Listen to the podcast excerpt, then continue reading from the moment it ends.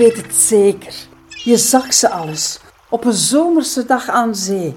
Die kleurrijke karretjes met enthousiaste kinderen of een heel gezin die trappen alsof een leven ervan afhangt. Van knokken tot in de pannen zie je ze rijden. Nergens in Europa vind je zoveel verhuurders van kustrijwielen als aan de Belgische kust. Heel wat van die ondernemers kregen hun métier met de paplepel ingelepeld. Het verhaal van de billenkar start eind de jaren 20 van de vorige eeuw. Samen met het kusttoerisme kreeg de billenkar een vaste stek aan zee. In honderd jaar verandert er veel, maar wat altijd blijft is het plezier van het trappen. Met de zeewind in de rug ontdek je het verhaal achter deze kleurrijke traditie. Instappen, plaatsen nemen! Trap en luister je mee?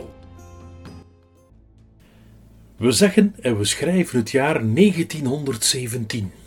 Louis van den Bergen was 14 jaar toen hij geduldig wachtte tot zijn moeder boodschappen ging doen, om dan de gordijnen van de living open te trekken en een fiets te koop te etaleren achter het raam. Het was zijn manier om in den duik een centje bij te verdienen. Louis' dochter Gilbert vertelt. Hoe dat niet aan die velo gekomen was, dat weet ik niet zeker. Waarschijnlijk via een grossist in Oostende. Je ging die met zijn velo een andere velo aan en nam zijn marchandise op zijn schoenen mee naar Rus, naar Breiningen. En vanaf dat ze maar weg was, zetten die velo voor de venster. En dat zo is niet in de velocommercie gerold.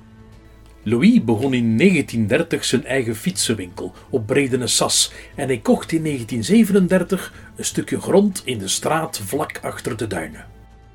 Daar konden toeristen fietsen of een billenkar huren die Louis zelf in elkaar had gezet. De billenkarren dat maakte, de deden van voor een eindwiel en van achter twee. En in het midden van die driehoekstructuur was er een zitbank voor twee personen.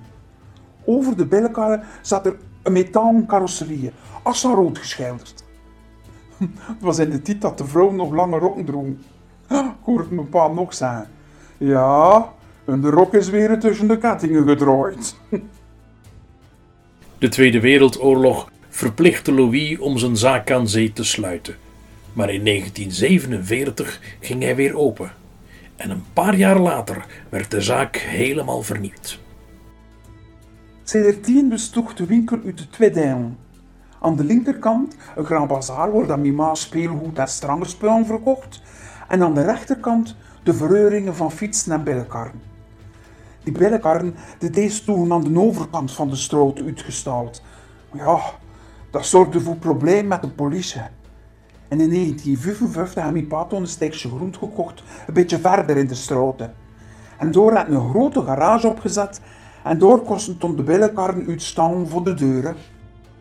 Louis' dochter Gilberte leerde haar man Bernard kennen in Sint-Kruis. Bernard Mestag groeide samen met zijn vier broers en zijn zus op in de kazerne van Brugge.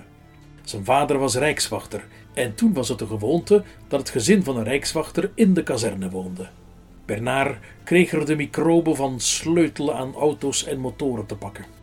Hij deed als kind niets liever dan in de garage van de kazerne rondhangen en de rijkswachters die aan een Harleys werkten het nodige materiaal aan te geven. Nadat hij het nest verliet, werkte Bernard acht jaar lang als technisch tekenaar voor landbouwmachinebedrijf Nieuw-Holland. Toen Louis van den Bergen besloot om te stoppen met zijn fietsenwinkels, rolde Bernard als schoonzoon in 1974 in het billenkarrenvak. En sindsdien waren Gilbert en Bernard een echte tandem. Gilbert hield de bazaar open en Bernard deed de verhuring. Het worden lange dagen. In het seizoen was de winkel open van nacht tot tien s'avonds. Snoes en s'avonds stuurde ik een van mijn jobstudenten met een potje warm eten of, of met stutjes naar Bernard. En als Bernard s'avonds de tien zijn deuren sloot, was het werk nog niet gedaan. Ja, en toen behoorste ik onderstelling, want ja, dat, dat moest ook nog gebeuren. Ja, de een had er wiel of gereden, de ander had frontaal op een ander karretje gebokst. In het seizoen hè, lagen we er nooit voor de tweeën s'nachts in ons bedden. Door zijn voorliefde voor motoren heeft Bernard naast fietsen en billenkarren ook altijd brommers en motorfietsen verhuurd. Het verplichtte hem om streng te zijn voor zijn klanten en daarvoor kwam zijn rijkswachtersbloed goed van pas. Ja, het was hier niet iemand die een velo, een motto of een bellenkarre kon sturen zonder zijn paspoort te tonen. hè. Geen paspoort, geen verhuur. Ah ja, ik schreef me al die gegevens over en had ele- de, elektronische paspoort ingeburgerd was, hè, las ik die paspoorts in op mijn computer. Ik moest echt streng zijn, anders werd er veel te veel gestolen. En al die processen kwamen op mijn naam binnen. hè. Dit was een van de luisterverhalen uit een reeks van zeven.